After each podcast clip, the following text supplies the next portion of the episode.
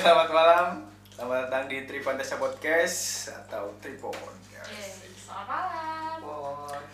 Eh, malam ini kita ramean nih. Gue ditemenin sama Egin, sama Dea, sama Abai dan Dik Dik. gue dik dik Gue Dik. Jadi kita ngomongnya sepakatnya nih gue lu atau bebas nih. Kalau bisa disepakatin gue lu, gue lu ujung-ujungnya juga jadi aing maneh Iya. ya sih. saya ada kayaknya Saya. juga menarik lebih ini ya lebih formal gitu. Nah, eh, berhubung malam ini sudah malam ya gitu, Eh, kita bakalan ngomongin soal International Women Days Yay, happy yang international diperingati Day. tanggal 8 Maret kemarin. Ya. Nah kemarin itu kan eh, diperingati. Terus banyak sekali yang aku tahu protes-protes yang memanfaatkan momen peringatan hari itu. Misalkan di, Mes- di Meksiko tuh ada eh, para wanitanya memprotes tentang femiside. Femiside itu kayak pembunuhan perempuan di sana tuh eh, mulainya dari dari ini dari dari pelecehan seksual terus akhirnya berujung ke pembunuhan dan itu marak sekali terjadi di Meksiko makanya pas kemarin tanggal 8 tuh para wanita tuh protes pemerintah buat negesin gitu ke buat itu buat di stop gitu. Nah kemudian di Inggris juga ada bentuk protes terhadap pemerintah yang mulai menggerus apa ya ekologis di sana tuh. Jadi alasannya kata si salah satu aktivis di sana tuh dia bilang kalau misalkan eh, ketika ek- ekologis itu digerus jadi perkotaan dan sebagainya si perempuan tuh ketika apa ya beraktivitas menjalani kesehariannya dalam bekerja misal gitu rentan sekali mengalami pelecehan seksual. Nah bentuk protes kemarin tuh dia telanjang setengah telanjang perempuan tuh ber- banyak dia bikin blokade buat hmm, ngeblokir jembatan. Nah itu kalau di, di Inggris tuh di London. Nah bagi kalian berdua nih yang perempuan-perempuan yang kemarin. Mungkin kalian juga ikut lah gitu buat merayakan hari itu gitu. Sekedar siapa Sekedar iya. Ya merayakan di rumah. kayak lebaran gitu. lebaran. Ya lebaran di mana di rumah itu nggak ke jalan. Nah, menarik gitu. Dari kalian memandang hari perempuan sedunia itu kayak gimana sih gitu? Dari Egin gitu Dari Egin dulu eh nih. dari Egin dulu deh Kalau aku sih mandangnya Hari Wanita Sedunia gitu ya. Itu sebenarnya jadi eh, apa ya semacam batu loncatan untuk kayak speak up dong gitu ngajak anak ngajak cewek-cewek tuh kayak, woi lo harus speak up gitu dan juga kayak eh, kesetaraan gender itu tuh emang ini sih emang maksudnya jadi momen itu tuh jadi kayak tempat kita untuk nge nge apa ya ngom- ngungkit lagi gitu ayo dong ini yang sempat terlupakan misalnya kayak kekerasan seksual nih pelakunya kok mana gitu kan. Pelakunya nggak di nggak di apa namanya nggak dihukum gitu. nggak ditindak. Nah jadi ini tuh kayak momen kita buat wah ini ngein lagi gitu. Iya. Nah, apa sih namanya? Buat apa ya buat kayak semacam momentum lah gitu. Ah, ah momentum Udah jadiin gitu semakin ya itu sebagai pengingat sih sebetulnya. nah sebagai pengingat. Nah Iya. Sebenarnya sih kalau misalnya eh, misalnya ngomongin tentang eh, kesetaraan gender atau apa namanya stop kekerasan pada perempuan itu bisa kita cegah setiap harinya sih Hmm. jadi ini tuh kayak cuman momentum aja gitu kalau International Women Day kalau menurut gue gitu Oke. Lu gitu deh. menurut gue ya kalau Iya, menurut iya. gue tuh ini tuh lebih ke ingetin lagi lo lo perempuan lo punya peran di masyarakat jadi menunjukkan eksistensi lo sebagai perempuan lo tuh udah peran lo ngapain aja itu nggak nggak selalu harus lo lo match di jalan lah atau em, atau kayak lo menunjukkan kayak di Instagram tentang template-template yang kayak gitu Tempat-tempat. Iya, lo bisa memakai yang lain gitu, nggak usah harus share eh, yang kontroversial atau lain sebagainya. Cuman ya ngingetin peran lo apa sebagai perempuan. Oke, kita udah udah Tapi perannya apa yang bisa tahu menurut ya? Iya deh, kalau misalnya perannya gimana sih? Harusnya tuh gitu. ya sebenarnya nggak ada seharus harusnya sih terserah lo aja lo misalnya mau peran lo sebagai perempuan itu seperti apa maunya lo gitu Hmm. nggak ada seharusnya Lo mau lakuin apa ya lakuin aja jangan ada batasnya. Eh kecuali norma sih itu ada batasnya juga. Nah, menariknya gak sih? Eh, selain ada dua perempuan ini, gue ditemenin sama dua laki-laki, dua pria. Ya, gue mau mau tahu nih pendapat eh, dari, hanya kan beda lah gitu, karena di dunia tuh hanya ada dua Gender. bentuk manusia gitu. Gender, itu gender benar, ada laki-laki dan perempuan. Kalau misalkan dari laki-laki mandang hari perempuan tuh kayak gimana sih? Menurut lo di? Ta- tapi tadi si Bang sebelum ke sana Kenapa? eh, tadi Iqbal bilang ada cuma ada dua gender Ya. laki-laki perempuan sebetulnya sih maksudnya un- untuk beberapa eh, orang mungkin sebetulnya tidak hanya mengakui dua gender Ya. ada ada apa tidak hanya laki-laki perempuan iya. ada ba- ada banyak irisan di antara ada cewek ya ada Cewek. cewek ada cowok ada cewek gitu Ada juga cowok. Nah, sama itu sih kalau eh, apa soal Hari Perempuan Internasional ini sebetulnya di tahun-tahun sebelum di tahun-tahun sebelumnya aku sendiri sih sebetulnya bang nggak nggak mulanya itu tidak terlalu mengikuti mulanya gitu ya di tahun-tahun ke belakang lah tapi kemudian di beberapa waktu eh, sekarang nah mulai mulai apa mulai eh, semakin banyak eh, melihat Perhatikan lah gitu. eh, baca-baca berita gitu terus lihat-lihat apa teman-teman yang apa bikin kumpulan terus bicarakan soal itu nah eh, ya itu sih sebetulnya kayak kayak kemudian eh, hari internasional eh, perempuan internasional itu dijadiin jadi momentum gitu momentum untuk tadi misalnya mengingat kembali apa yang yang di apa yang layak diperjuangkan terus mencermati lagi bagaimana kondisi sekarang gitu Hmm. terus eh,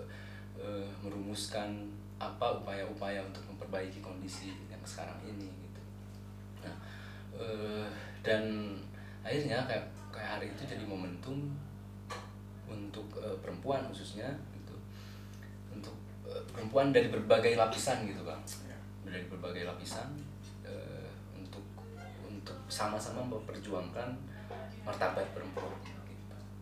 Pertama, pertama sih Pertama itu. Nah, Oke. Menarik ya. ini apa penjelasan di itu masih masih panjang. Nah, sekarang gue mau dengar dari apa ini? Gimana baik menurut lu tentang tentang hari peringatan Hari Perempuan Internasional gitu.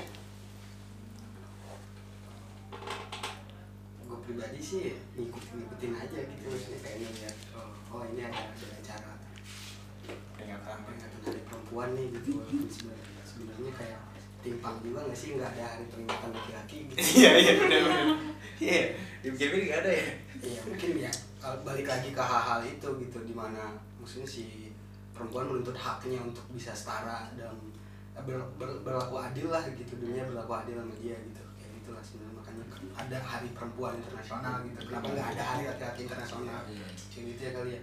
Maksudnya kalau ngelihat acara yang begitu-gitu aja kayak gue nggak nggak begitu mikirin gitu Ngikutin ya. nggak begitu ngikutin ya gua gua kalau perempuan tetap berpatok sama ibu gua sih sebenarnya ya udah gitu kayak ibu tuh pasti jauh lebih ya, seorang perempuan tuh Iya. pasti lebih ini gitu Ya, lebih dekat juga lah gitu. ya. lebih tahu lah. Nah, ngomong-ngomong soal Hari Perempuan Internasional nih. Kalau Dik kilas balik, eh sih kilas balik. Kilas balik sejarah apa namanya? Awal Iya. Day. itu gimana sih? Eh, Sejarah singkatnya itu. Gimana- gimana tadi? Eh, Gimana tadi? ya maksudnya mulanya kan Maksudnya katanya. mulanya tuh kayak itu perjuangan buruh kan. Ah, perjuangan. perjuangan buruh buruh-buruh perempuan yang yang apa eh, dia merasa ada batasan-batasan misalnya di gini ada dia merasa apa sih istilahnya itu ter eh, diskriminasi gitu. Dengan misalnya kondisi-kondisi pada saat itu. Soal hak berpolitik hak berserikat ya kan? Nah eh, nah, nah salah satunya kemudian eh, pada waktu itu tahun berapa sih Eh, 1857 1857 di Awal gimana? eh, di di di New York di New York ya. Nah, gerakan itu kemudian dimulai dari buru-buru perempuan gitu. Hmm. Buru-buru perempuan yang itu ada merasa ada diskriminasi lah gitu Iya, di, di di ruang kerjanya dan dan ingin intinya memperbaiki kondisi itu hingga eh, kondisi itu itu apa layak lah gitu untuk untuk apa untuk untuk perempuan dan dan misalnya gini bal eh, kemarin sempat juga eh, apa ikut ngumpul lah dengan beberapa kawan-kawan perempuan gitu yang khususnya misalnya yang tergabung di apa eh, kumpulan Wano Jangalawan gitu di Bandung Kawan ya? Di kawan dan mereka eh, apa ngerasa apa yang apa yang dialami oleh perempuan-perempuan waktu itu gitu.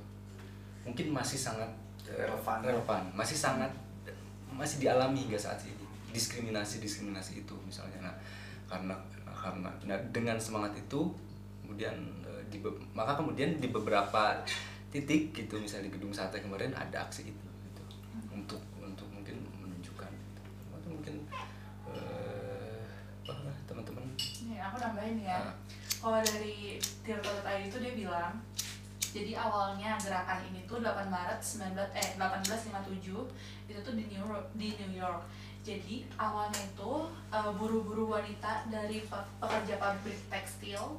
Nah, dia tuh demo itu tuh karena dia tuh mendapatkan tindakan semena-mena dan upah yang rendah gitu. Jadi awalnya eh, aksi itu tuh gara-gara itu dia tadi. Oke, berarti emang emang menurut gue sih emang relevan ketika karena sekarang juga emang banyak tuh.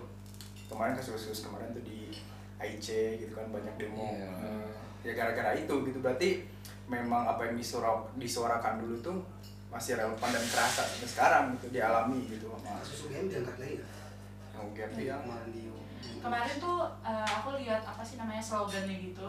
Pokoknya kayak eh, tindak pelaku jangan jangan hanya jaga nama baik kampus gitu jadi itu kayaknya nyangkut nyangkut ya. nyangkut nyangkut Mm-mm. UGM juga sih Mm-mm, karena karena kemudian misalnya eh, perjuangan ini walaupun kemudian diawali apa percikannya itu dimulai oleh para buruh perempuan tapi dalam perkembangannya misalnya apa, perjuangan perempuan hari internasional hari perempuan internasional tidak hanya kan kemudian diperingati oleh para buruh tapi kemudian oleh perempuan di berbagai lapisan karena pada kenyataannya mungkin sampai hari ini bukan cuma buruh perempuan aja yang mengalami diskriminasi tapi banyak perempuan lain yang bukan buruh misalnya juga tetap mengalami apa diskriminasi di ruang-ruangnya masing-masing.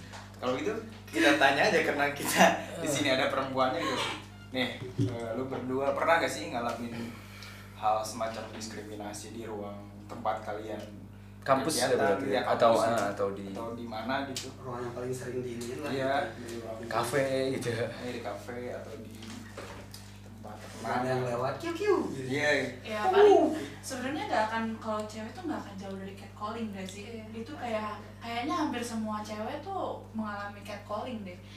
Dan jujur itu ngeganggu banget catcalling itu. Nah catcalling yang lu alamin modelnya kayak gimana? Oke. kan banyak tuh jenis-jenis Iya. catcalling gitu. Kalau gue tuh ada berbagai ya berbagai. Oh banyak ya pengalamannya?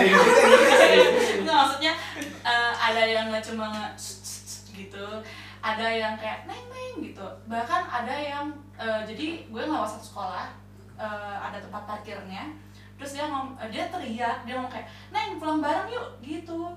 Terus kayak itu aku nggak kenal sama sekali. Dan situ jatuhnya jadi takut dong nggak kenal Iya. itu siapa gitu.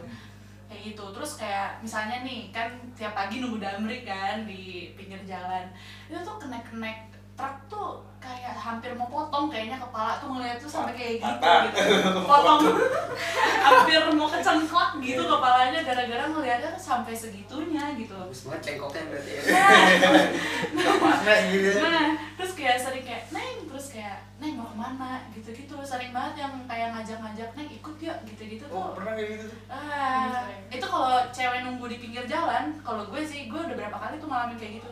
Neng mau ke mana? Neng ikut yuk. Bahkan kayak waktu itu adalah salah satu kayak kita saya antar aja gitu-gitu ada penawaran-penawaran ya semacam itu. penawaran-penawaran kayak gitu Nah, itu kan kayak bentuknya inilah bahasa gitu. Mm.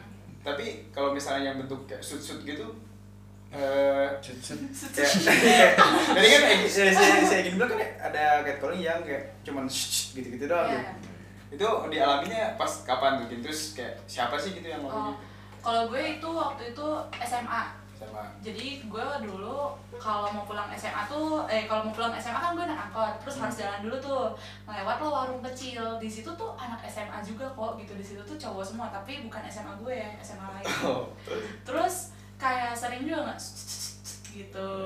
Terus udah gitu kalau enggak lagi di jalan tuh kan ada eh, rumah yang lagi dibangun tuh.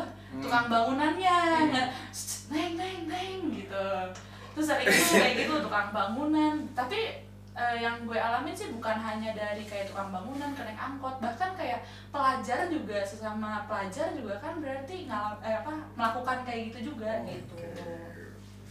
Kalau dia gimana deh? nyambung tuh kak kayak gini tadi. Jadi gue kayak kalau misalnya setiap berangkat dan pulang tuh makanya gue pakai masker. Bukan untuk menghindari corona tapi menghindari orang-orang itu kalau misalnya dari catcalling gue gue malah pernah ngalamin yang lebih dari bukan sekedar eh, ini ya Verbal gitu. hmm, gue pernah kayak pas SMA tuh lo tau anak SMA pulang sekolah gimana baju panjang rempel gue pakai jaket pakai masker juga. Terus gue diangkot angkot which is itu ruang publik kan. Bukannya ruang khusus yang uh, lo diskriminasi atau apa tapi emang itu harusnya buat jadi tempat umum. Tapi gue pernah kayak di ini singkatin aja ya singkatin aja itu gue pernah di di raba-raba gitu kaki apa kaki gue Iya, diangkat gitu pokoknya. iya diusap-usap terus gue kira itu awalnya semut kan terus itu udah Semuanya gede banget. kayak merinding merinding gitu apa ini ya? Sih pas pas akhirnya wah jangan-jangan gue dilecehin gue kayak deg-degan gitu kan. Pas gue lihat wah anjir bener nih bapak-bapak lagi apa kakak angkat rok gue gitu. Udah tatap tatapan akhirnya gue langsung teriak kan kayak eh, ke tukang supirnya eh, pak pak saya dilecehin nih. Gue bilang gitu bilang gitu terus ah, bapak-bapak cuma kayak wah diapain neng? Cuma kayak udah kayak itu kucing lewat aja gue gitu. Angkot tuh tahu nggak sih le- kata leceh itu? Kayak Papa saya dilecehin nih. apaan ya. lecehin tuh? Iya, Gue mau jelasnya kayak gimana Pak? Saya dipegang-pegang gitu atau Terus gue gimana? udah diajarin, abis itu diapain neng? Gitu. Abis itu gue bilang, ini neng dibuka-buka rok saya gitu. Abis itu, wah udah tua juga lu gitu, cuma gitu doang. Terus gue kayak, karena gue kasih gak ada yang nge-defense gue dia nggak berhenti atau apa Dia bilang, tapi cuma kayak nanya gitu doang Kayak, eh, abis itu samping gue, ibu-ibu Itu juga bilang kayak, iya nih dari tadi eh, iya dari tadi neng, saya kira neng kenal gitu Gak mungkin gak sih gue gak biarin itu orang kayak kenal yang kan rok gue segitu Karena gue diangkat Iya. Nggak? Iya, kan? karena gue merasa kesel sama ibu-ibunya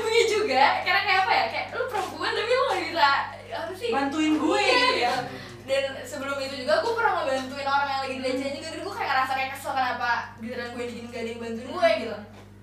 Akhirnya karena gue kesel gue tabuk kan bapak-bapaknya hebat hebat. Gue tabuk bapak-bapaknya takut tuh. Kayak harus sampai digituin sih akhirnya dia turun. Gue pengennya ditonjokin gitu. Kayak gue agak gak rasa gitu. Jadi karena kayak cuma digituin doang akhirnya gue turun juga gue nyari gue nyari bapak-bapaknya lagi pengen gue apain gitu. Tapi udah hilang gitu gue gak tahu ya ke mana. Udah akhirnya gue lanjut pulang aja. Terus tadi kalau cerita yang bantuin? Bantuin orang gitu. Kalau ini ini dia korbannya gak kayak gue. Dia kayak takut melihat apa ya kayak meminta pertolongan dengan sorotan mata gitu. Tapi gue udah nyadar. Jadi dia kayak eh, tangannya itu di eh, apa tangan abah-bapaknya ini ya. Lagi-lagi diangkot ya? Lagi-lagi diangkat ya apa namanya ngeraba-raba gitu. Terus gue ngeliat kan tapi gue nggak gue takut juga nggak intervensi kayak eh lo lo ini ya lecehin ya? Gitu. Kan gue takut ya. Akhirnya kayak gue kayak cuman nyuruh dia pindah ke samping gue yang padahal udah penuh gitu dan gue nggak tahu sih itu yang lain nyadar atau enggak tapi kayak gue doang nyadar atau gimana gue nggak ngerti. Terus akhirnya ya udah akhirnya dia kayak kayak pengen nangis gitu udah keburu pengen nangis gitu. Kayak udah nge-freeze karena karena emang nggak semua orang nggak semua cewek itu bisa ngelawan langsung gitu. betul betul. Itu memang selalu ada freeze moment ya kak. Iya. jadi di saat bahkan even cuma nggak aja harusnya kan kita kayak apaan gitu loh kayak apa lo manggil gue? Kayak gitu. Itu tuh bahkan bisa nge-freeze kayak eh gue takut itu disutin aja bisa nge-freeze apalagi dipegang gitu Ada sentuhan fisik lah gitu. nah iya Dan gue ngerasain nge-freeze moment itu pas setelahnya Jadi besoknya gue naik angkot lagi tapi temen-temen gue Itu gue baru ngerasa gue tangan gue dingin kayak ringetan gitu padahal kayak nggak ada cowok tapi sebanyak gue gitu lah gitu, Hmm. di tempat yang sama gitu. Iya. Nah berarti eh, mereka berdua dari semenjak SMA tuh udah sadar gitu akan adanya eh, apa namanya pelecehan seksual semacam kayak gitu gitu.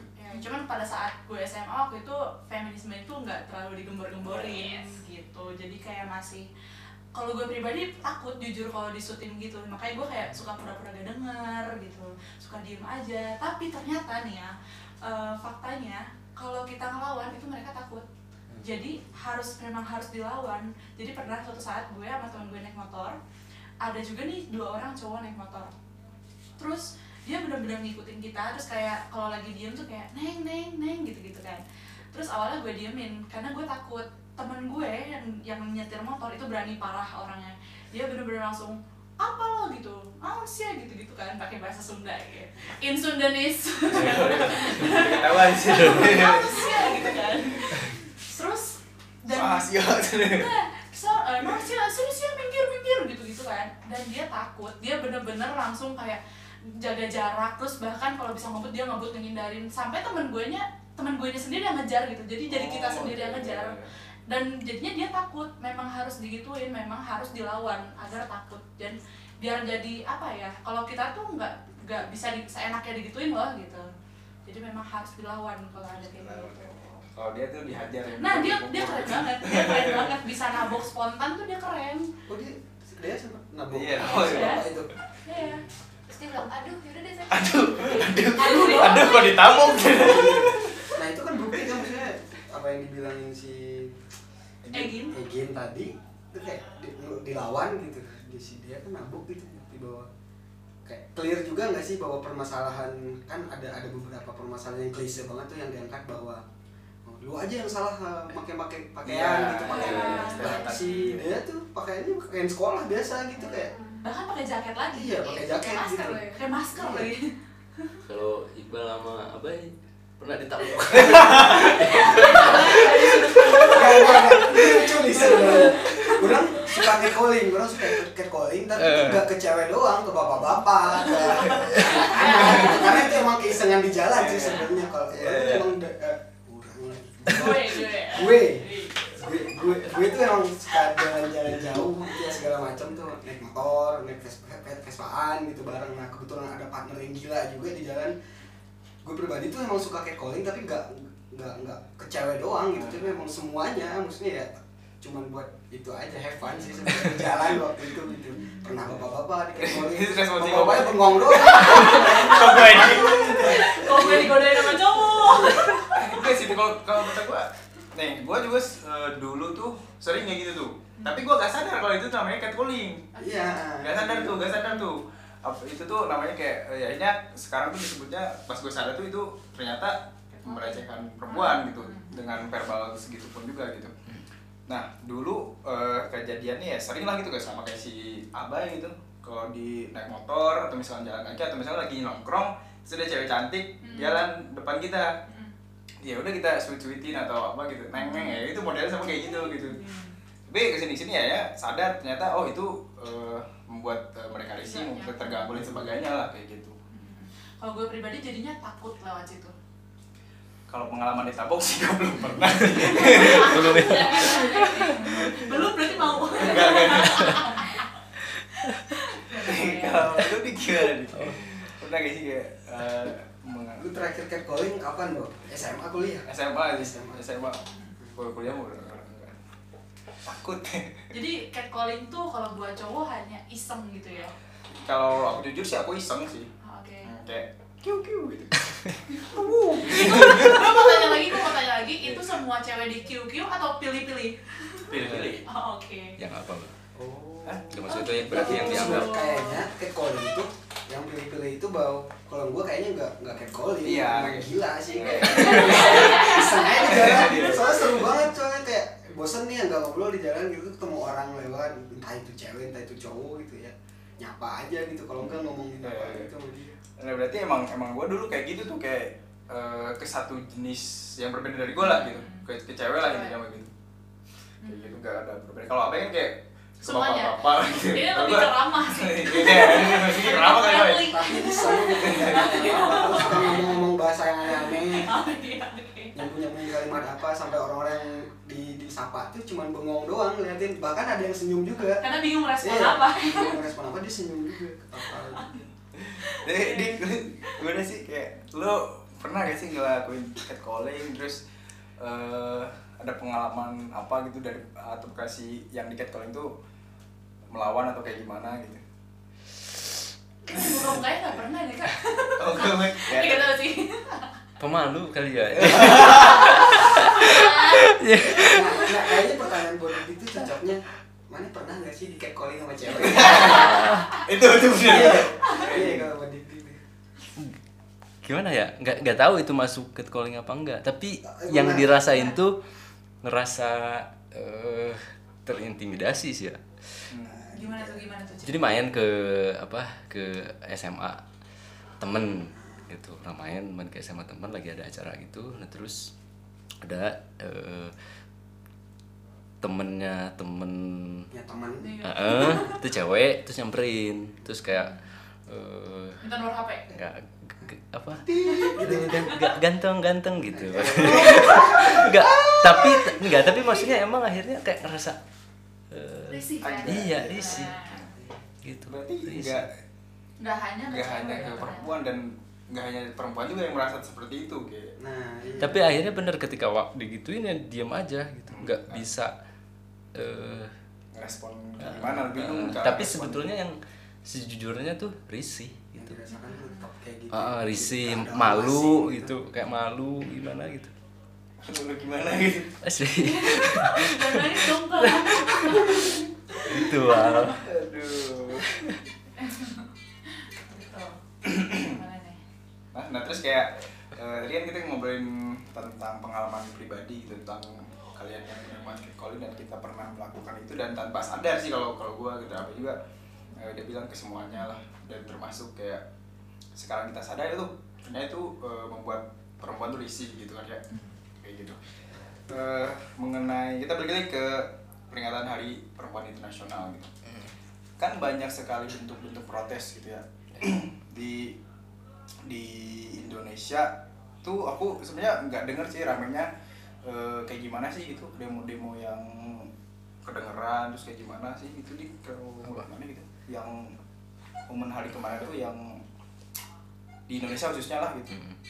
Eh, misalnya orang ini apa eh, ngomongin sedikit banyak misalnya apa yang dilakuin apa yang diperjuangin oleh teman-teman dari kawan itu ya. Kumpulan wanita ngelawan eh wanita ngelawan eh kayak intimidasi intimidasi gitu mem- gitu juga memang menjadi salah satu isu yang diangkat gitu.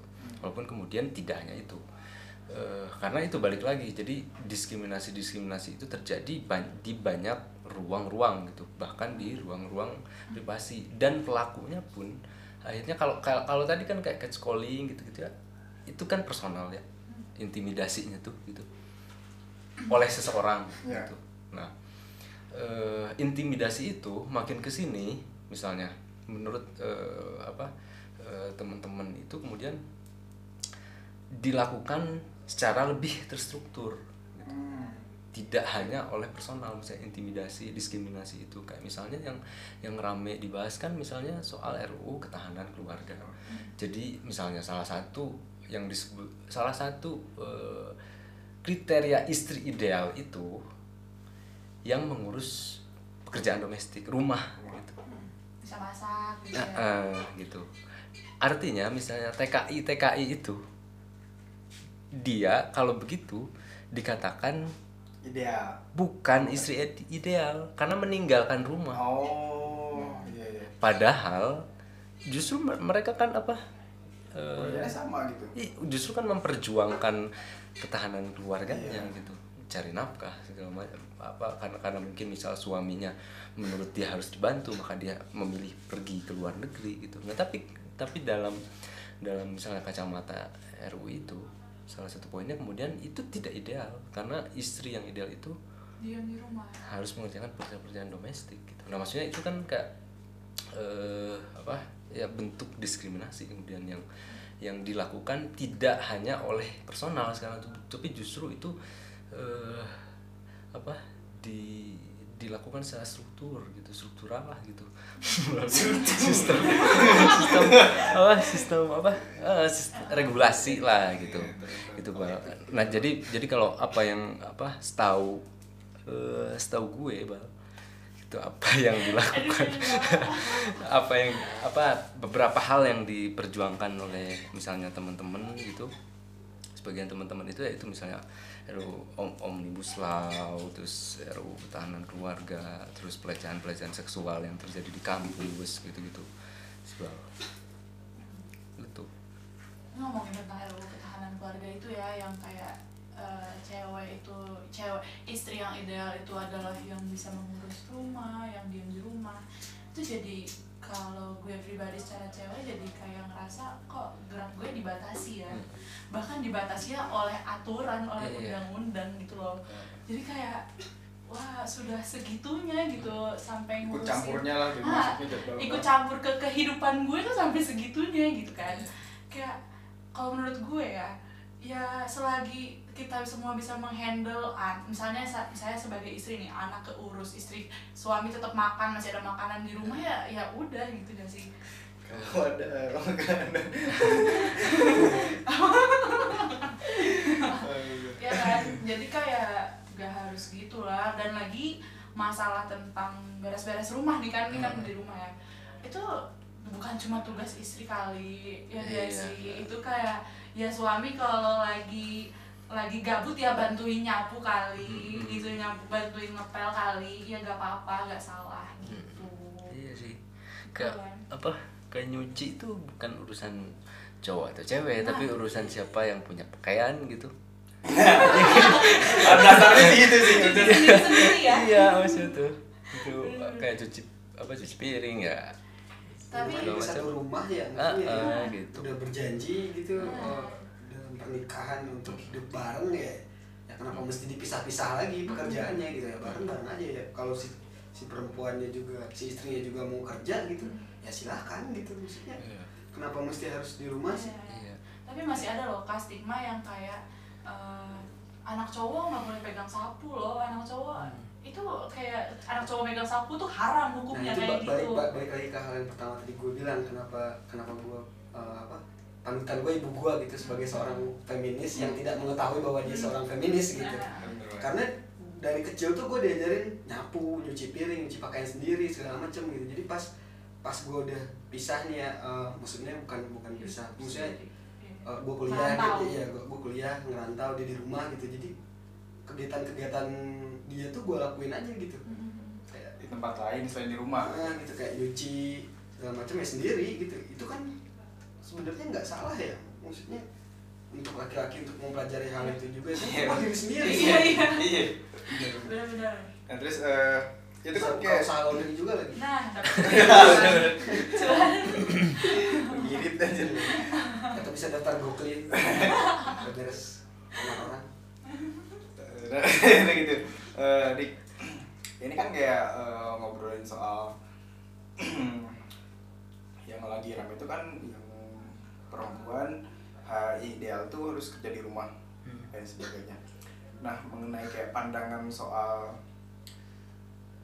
yang hamil tuh ini kan banyak banyak korban lah gitu korban dari perusahaan yang menganggap bahwa ketika si perempuan itu hamil tapi masih dalam kontak kerja eh, dia dianggap tidak layak atau misalkan dapat eh, bahkan dikeluarkan gitu dari perusahaannya gitu. Kalau menurut lu gimana sih kayak eh, pandangan seperti itu.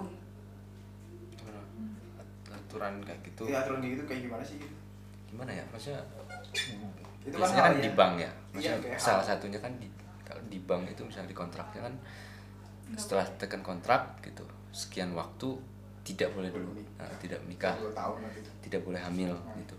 Iya maksudnya dari sudut pandang perusahaan gitu. Ketika ada yang hamil dia kan harus cuti berarti gitu. Iya. Harus di masa Harus kontrak mengurus itu gitu ya. Eh, eh, harus mengurus dan ke- ketika cuti ya perusahaan itu kehilangan tenaga kerja gitu. Hmm. Eh, nah jadi eh, kepentingannya itu jadi kalau kalau apa kalau mau turang gitu bal ya.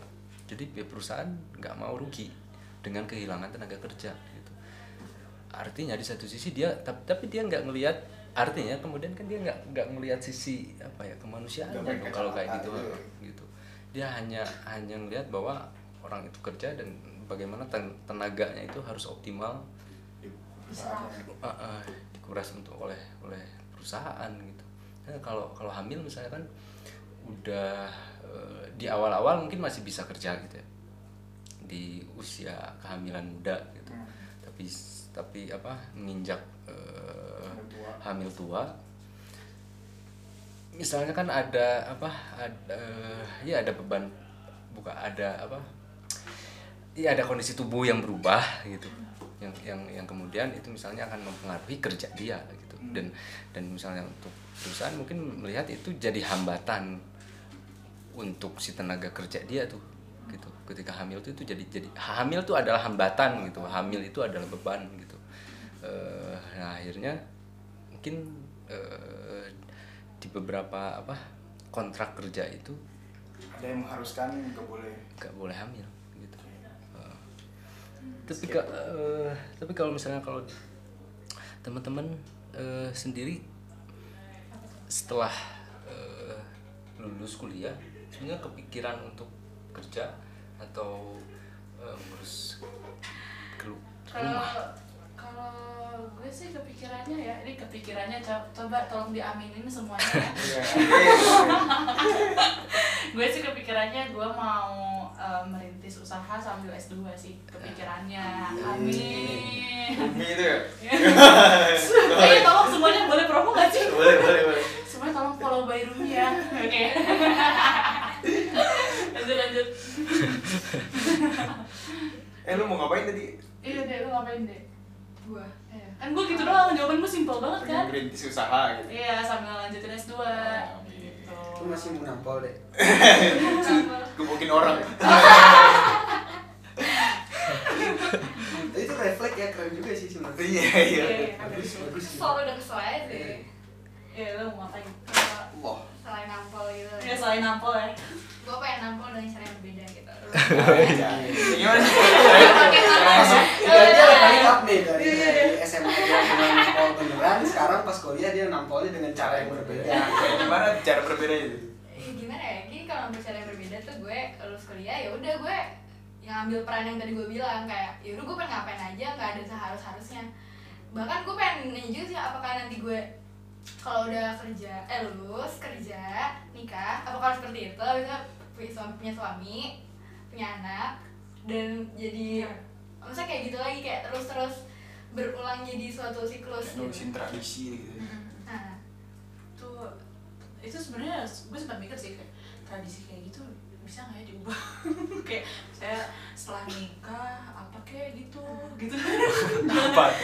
Iya, Apa? apa? Kayak misalnya ya bisa sih kayak saya gue sih pengennya kayak saya setelah nikah ya ini mah namanya juga angan-angan cewek ya namanya setelah nikah kayak ah, jalan-jalan dulu kali ya gitu kan ya, ini namanya angan-angan kan Kenapa orang jalan-jalan? ya bisa kok, bisa tercapai kok suatu hari nanti. Tapi ya nunggu yang tua-tua modal dulu aja. Nah, itu dia, kan. Tua, gitu. Nah takutnya kejadian-kejadian kayak gini tuh ya kayak bilang dia tadi siklusnya gitu-gitu aja gitu karena ketika kita pada fase tua dan punya anak gitu. Malah apa yang dulu kita nggak mau ikutin dari orang tua kita dari orang-orang yang ngasih aturan segala macam itu malah kita yang ini lagi Yang gitu. ngupuk lagi Iya, dia kita itu ikutin mulai. lagi gitu jadi terpupuk lagi gitu. Ya udah makanya siklusnya gitu-gitu aja. Makanya apa yang dipelajarin sekarang kasus-kasus yang terjadi itu ya direkam baik-baik gitu. Hmm. kelak nanti itu berguna untuk kita di depan kan. Mantap. Eh, Nah kemarin kan juga lagi rame nih.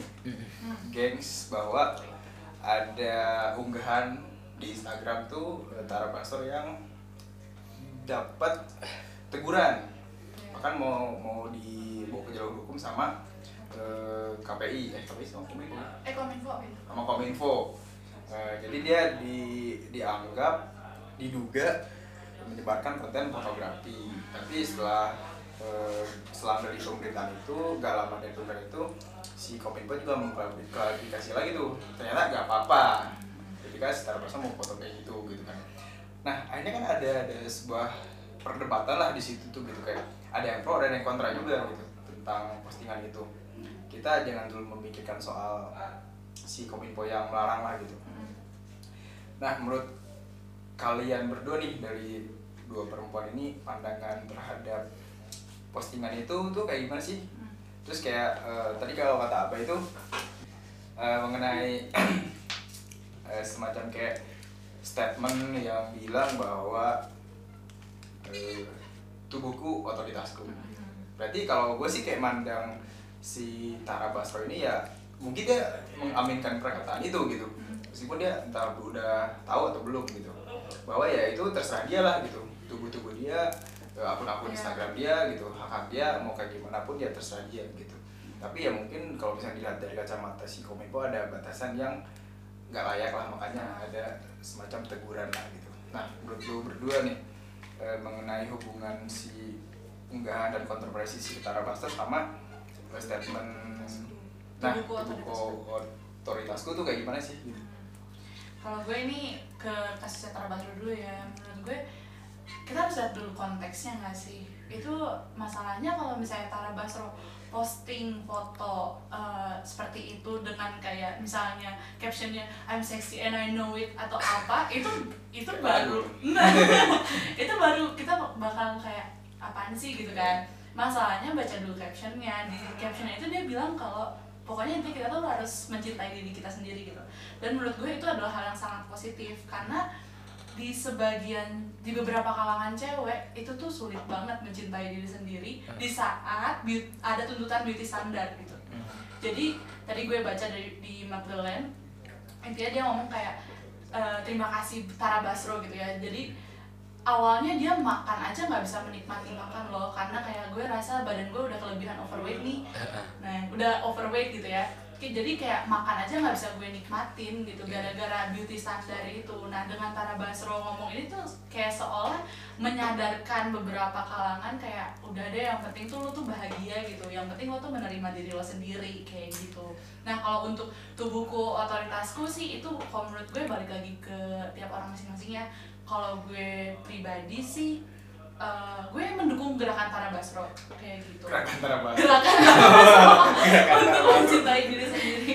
Tapi kalau untuk gue pribadi kayaknya gue nggak akan posting kayak gitu di Instagram gue gitu. Jadi itu balik lagi ke orangnya masing-masing. Kalau Cara ya. iya caranya masing-masing gitu. Karena sebetulnya bukan di postingannya doang kan sebetulnya kayak Instagramnya juga nggak maksudnya Oh. tuh ininya eh nilainya lah katakan. Nah. bukan soal di postingannya ya enggak sih. Tapi bagaimana mencintai tubuh itu sendiri Nah itu gitu. dia, itu dia yang pengen gue kayak ke kominfo tuh kayak, eh lo resapin dulu kek gitu ya, pengen gue gituin gitu, maksudnya kayak lu baca- komen nih kayak kagak kagak, jadi kayak kayaknya tuh kominfo tuh kenapa ngecam dulu? Karena kayaknya lihat fotonya doang, nggak dibaca dulu itu captionnya kayaknya gitu, jadi kayak ya ap- emang apa salahnya sih kalau misalnya orang ngunggah foto dia sendiri untuk bilang ke orang-orang? Eh bahkan di foto itu tuh dia nunjukin perut buncit nunjukin paha yang tidak mulus gitu kan. Itu tuh untuk membuktikan eh lo nggak apa-apa kayak gini gitu kan. Jadi kayak kenapa itu dianggap sebagai konten pornografi padahal dia tuh mau ngeliatin ini loh gue tuh punya yang kayak gini loh. Gue tuh lo tuh nggak seperti ini lah gitu. nah iya kayak gitu. Nggak apa-apa gitu. Nggak apa-apa punya perut buncit tuh kok gitu. Iya sih. Iya, tapi susah aja pakai celana. intinya dari postingan Tara Basro dia pengen nyarain kalau uh, social movement movement body positivity itu uh, dengan caranya dia seperti itu. Nah tapi gue juga gak mempermasalahkan orang-orang yang sebenarnya uh, mempermasalahkan itu juga yang kayak menentang mungkin maksud mereka tuh template yang dipakai itu nggak harus ngejepak banget deh sama orang-orang barat di sana gitu. Karena kan orang-orang barat orang, uh, kita ya mayoritas tuh Hmm, timur-timur masih mikirnya ya. Banyak cara buat lo nunjukin Hmm. gimana sih caranya lo buat uh, mencintai diri lo sendiri gitu. Hmm. ya kan dengan sesuai jadi disesuaikan lah gitu gue walaupun gue pun yakin gue juga nggak dukung uh, Tara Basro karena sebelum dia mengeksekusi pemikirannya itu pasti dia udah mempertimbangkan Apa yang akan Apa yang terjadi? akan terjadi, Iya, ya. iya, iya. walaupun kalau misalnya mau di uh, ma- maksukin ke konteks porno- pornografi ya gue bisa menunjukkan banyak foto yang lebih parah daripada Nah, itu iya, nanti woy. Kayak banyak banget itu bahkan dia nggak menunjukkan apa-apa apa-apa gitu kayak cuman istilahnya boleh pakai bikini pantai Nah. gitu kan sih? Ah, itu banyak loh Ah, yang foto di Instagram pakai bikini. Iya beauty vlogger beauty vlogger itu. Iya banyak. Masa lo menuntut banyak orang gitu? Nah terus kayak gue barusan searching IG-nya Tara Basro gitu. terus pas gue klik akunnya ada semacam warningnya dulu. Oh. lu eh, udah umur 16. ini 16 tahun ya tinggi Hmm, 16 tahun apa belum gitu. Ternyata sampai segitunya gitu. Nah, tapi kan berarti dia udah maksudnya dia udah mewanti-wanti si yang akan mengunjungi uh, Instagram dia dong, dia kan. Gitu. Ya Allah.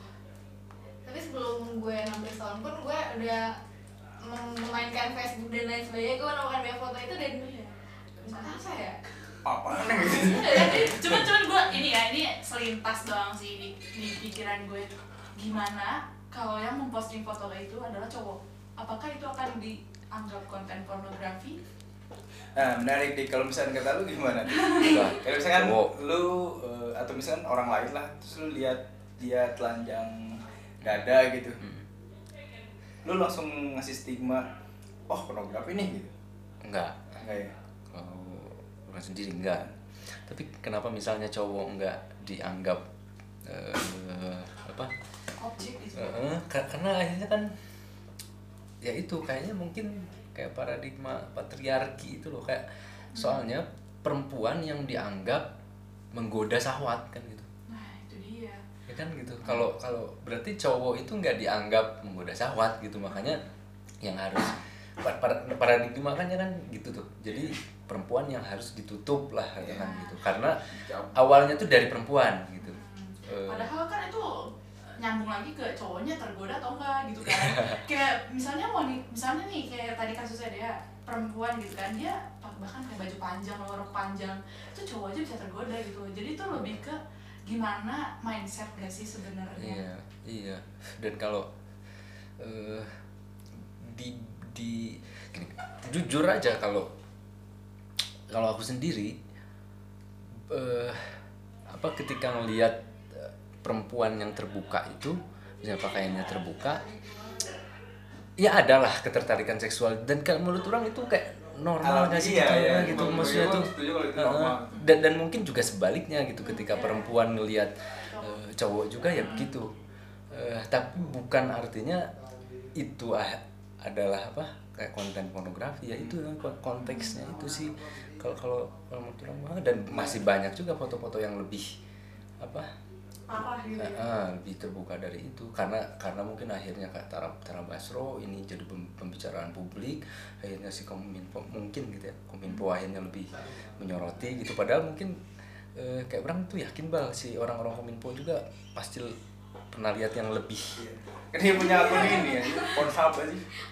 Dia punya akun Pornhub Iya, iya, Kayak gitu. Eh, nah berarti kalau misalnya gitu ya akhirnya dari pikiran itu hasrat gitu ya hasrat seksual di dalam. Kan abstrak juga gak berlanjut ke tindakan gitu. Nah berarti eh, ketika tidak berlanjut ke tindakan mah ya nggak apa-apa gak sih gitu? Kalau bagi aku sih kayak gitu gitu. Gak merugikan yang dilihat atau kayak gimana gitu. Kalau bagi aku tuh kayak gitu. itu hak, Ah, hak gitu. setiap orang sih. kayaknya nggak nggak beralih jadi sebuah tindakan gitu. Kayak cuma hasrat doang gitu kayak lihat oh ini kayak gitu ya ya secara normal dan alamiah gitu fitrah lah hal kayak gitu mah gitu. Iya gak sih? Ah, iya ya. itu sih di seenggaknya nggak bu. Gini lah kalau nggak tahu fitrah atau alamiah tapi intinya tuh kalau pik- pikiran seperti itu kayak sulit terkendali gitu ya. Ada yang lebih bisa dikendalikan tuh gitu. Kayak ketika udah udah ngelihat gitu terus mikir apakah orang mau apa ngelecehin. Nah itu yang lebih bisa dikendalikan. Ah, iya.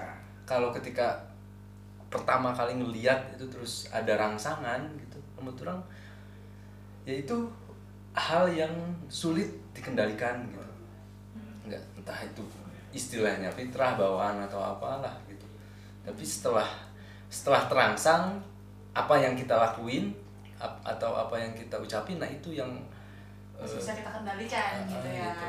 luarannya gitu outputnya eh, gitu. eh, eh, outputnya tuh. dan Oh.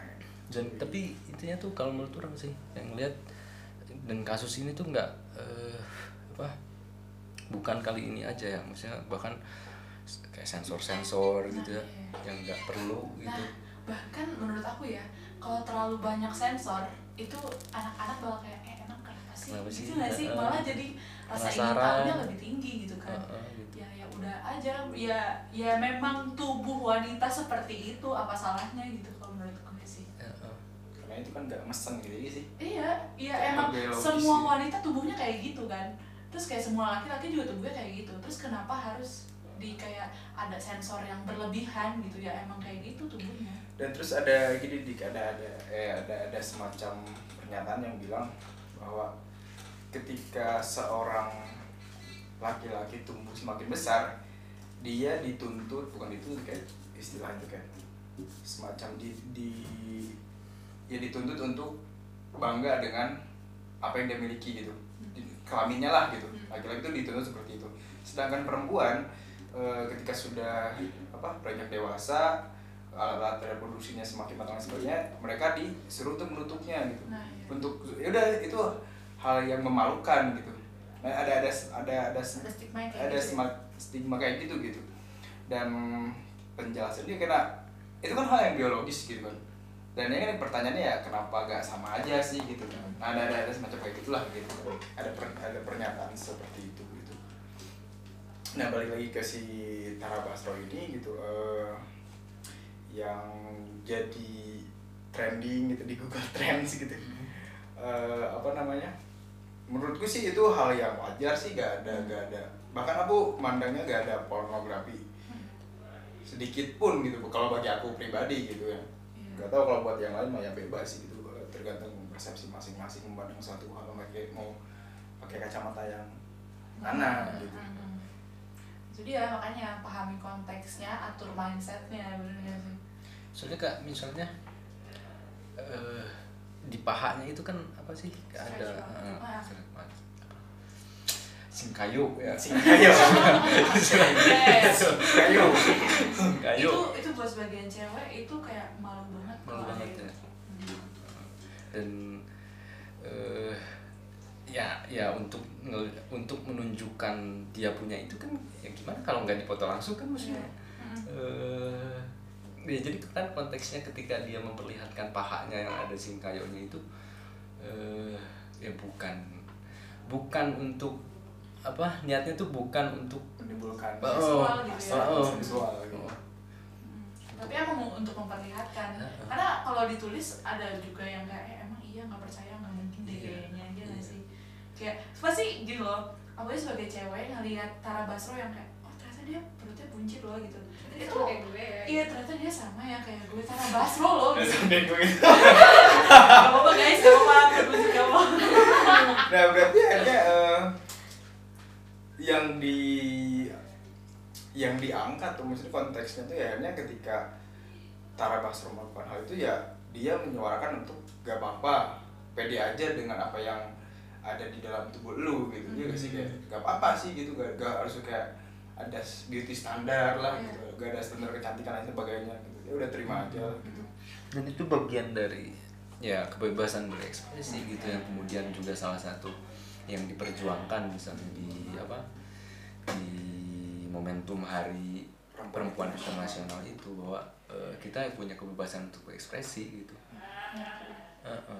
dan cara kayak misalnya tadi kata dia mungkin eh, setiap perempuan ya punya caranya masing-masing gitu untuk menunjukkan pu- bis, apa punya ekspresinya masing-masing gitu untuk untuk menunjukkan bahwa dia bangga dengan tubuhnya gitu. Nah kalau Tara Basro kemudian dia memilih cara itu jadi posting ke Instagram dan tidak semua perempuan mungkin punya ekspre bentuk ekspresi yang sama gitu. Tapi intinya ya itu eh, kebetulan yang yang penting tuh ya kita bangga dengan eh, apa karakter tubuh kita sendiri gitu. Kayak soal tubuh kan yang penting tuh sehat. Iya, Nah, keaslian kalau itu sehat itu nomor satu gak sih? Heeh, gitu. Yang penting. Jadi kayak udahlah beauty standar kayak cewek harus langsing pinggangnya, harus besar apanya apanya gitu kan. Kayak ya udahlah capek juga ngejar itu yang penting lo bahagia dulu aja dah gitu. kenali dirimu bakal lu bakalan bahagia. Kata Iya. Al Ghazali itu kayak gitu tuh. Oh, oke. suruh dari- timur gitu ya. Kalau belum mau bahagia kenali diri dulu sendiri gitu. Oke. Nah, kita nih udah panjang nih ngobrolin soal tadi eh, Hari Perempuan Internasional, terus nyambung ke bentuk dari peringatan itu kayak gimana, kayak mulai protes di Meksiko, di London, di Indonesia dan sebagainya lah gitu. Eh, terus ke si Tara Basro yang mendapat kecaman dan sebagainya ada yang pro kontra dari netizen gitu. Menurutku sih di di apa namanya di dalam momentum ini gitu yang masih hangat lah gitu baru tahun 8 kemarin gitu yang disuarakan sih tetap kesetaraan gitu. Ya. kesetaraan gender dan sebagainya gitu. Gak ada gak ada yang namanya siapa yang superior siapa yang lebih gak mampu dan sebagainya gitu. Itu sih yang aku tangkap dari apa namanya dari fenomena yang terjadi gitu dari hari perempuan internasional gitu. Maka menyuarakan itu keadilan kesetaraan gitu. Iya. terhadap semua lini yang ada di dunia ini gitu. Iya, jadi stoplah menganggap uh, uh, badan wanita itu objek. Stoplah menganggap uh, wanita itu harusnya gini gini gini gini gitu mengatur hidup wanita gitu ya. Ya udahlah maksudnya wanita sama kok kayak laki-laki gitu ya. Perempuan sama cewek sama kok. Eh perempuan sama cowok sama sama-sama punya pilihan mau jadi apa, mau kayak gimana badannya, mau ngapain aja ya terserah dia gitu. kalau curhatan hati perempuan pasti kayak gitu semua sih Mm-mm. intinya kayak lo dikasih kebebasan yang sama lo bisa ngelakuin hal yang sama lo bisa apa ya mencintai diri lo sendiri tanpa harus mandang cowok tuh maunya gimana. Ada standar standar yang di Standar standarnya. Itu di di top di dobrak aja ya Iyalah udahlah. Saks banget tuh ditonjok bisa aja. lu. dan eh, kalau menurut aku sih kemudian apa perjuangan eh, yang apa yang yang diupayakan oleh teman-teman gitu di hari perempuan internasional itu kemudian sangat luas gitu banyak apa eh, menuntut apa meng- mengadili semua dosen cabul gitu. Nah, terus apa eh, apa eh, apa menuntut soal isu-isu penggusuran karena misalnya ya ketika kayak yang di Taman Sari aja.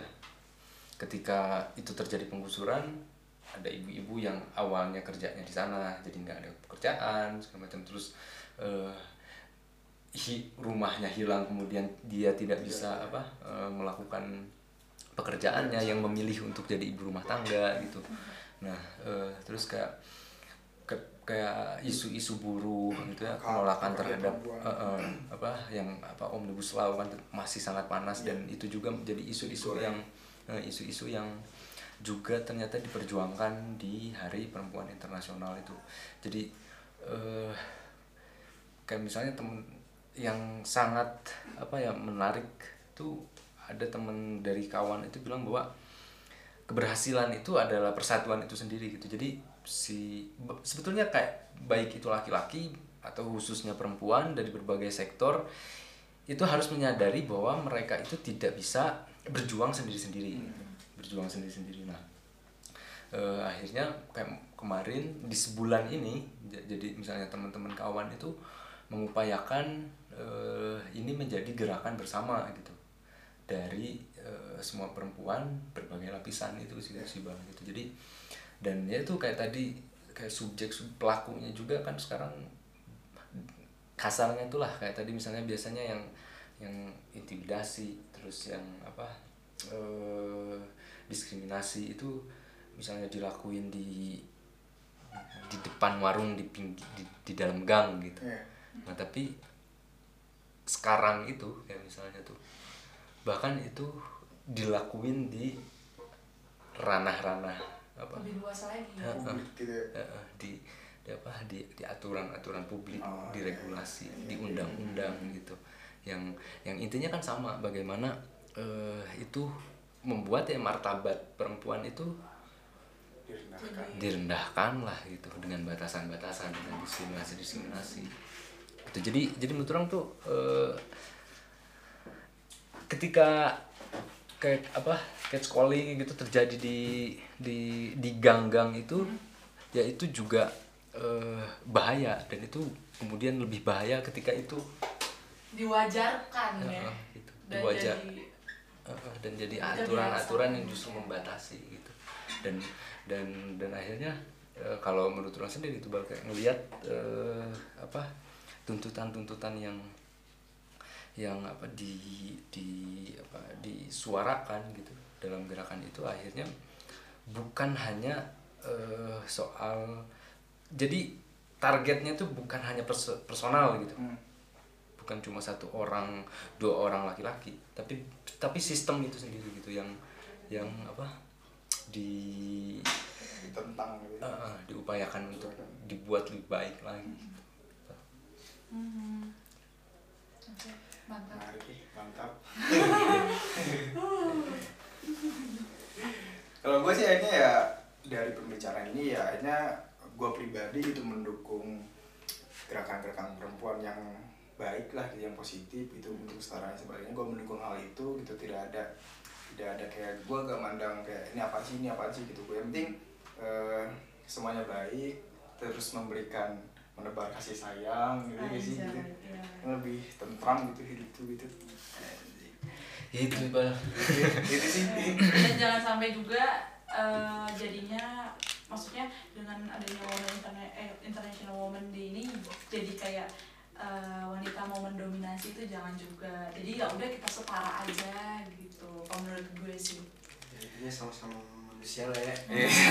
iya sih kayak Iya, gitu. gitu. Nah. Kalau bisa kan kesetaraan itu bisa dicapai tanpa memandang bahwa dia perempuan dia laki-laki kan akhirnya. Hmm. Itu kan maksudnya kesetaraan pada akhirnya gitu. Maksudnya apa-apa hal yang bisa dilakukan laki-laki bisa dilakukan juga sama perempuan apa apa yang bisa dilakukan perempuan bisa dilakukan juga sama laki-laki kecuali kodrat-kodrat yang kayak tadi kayak hamil gitu nggak mungkin Hmm. laki-laki perempuan nggak mungkin sunat gitu tapi Kan sunat mah sunat ada. Iya, Oh, iya, itu tapi itu bukan sunat Oh, kan. itu oh, kita itu jadi topik lain. Oh iya, oke nanti nanti. Lain, nanti, nanti. nanti lah oke. Eh, kayaknya udah deh obrolan malam kita. Hmm. obrolan kita malam kita lagi obrolan kita malam ini di tema Tafsir podcast. Menarik kita ngobrolin soal eh, hari perempuan internasional. Terus eh, gerakan-gerakan yang terjadi pada hari itu protes-protes yang disuarakan tentang eh, diskriminasi yang harus diperbaiki gitu atau misalnya bisa dihilangkan lah itu tuh gitu Eh, oke terima kasih Egin Dea Abai Dik Dik dan Heru asik sebagai operator Iya cie mic baru nih. Asik sekarang gua. Oke, jangan lupa dengerin terus Tripantasya Podcast di episode episode selanjutnya. Pantengin terus di Anchor, di Spotify, Apple Podcast, Google Podcast, dan platform penyedia podcast lainnya. Oke, Platform. Bye. platform. Bye. Selamat datang di Tri Fantasia Podcast, Mantra, Seni, dan Sastra. Gue Egin, gue deh ya dengerin terus Tri Fantasia Podcast ya.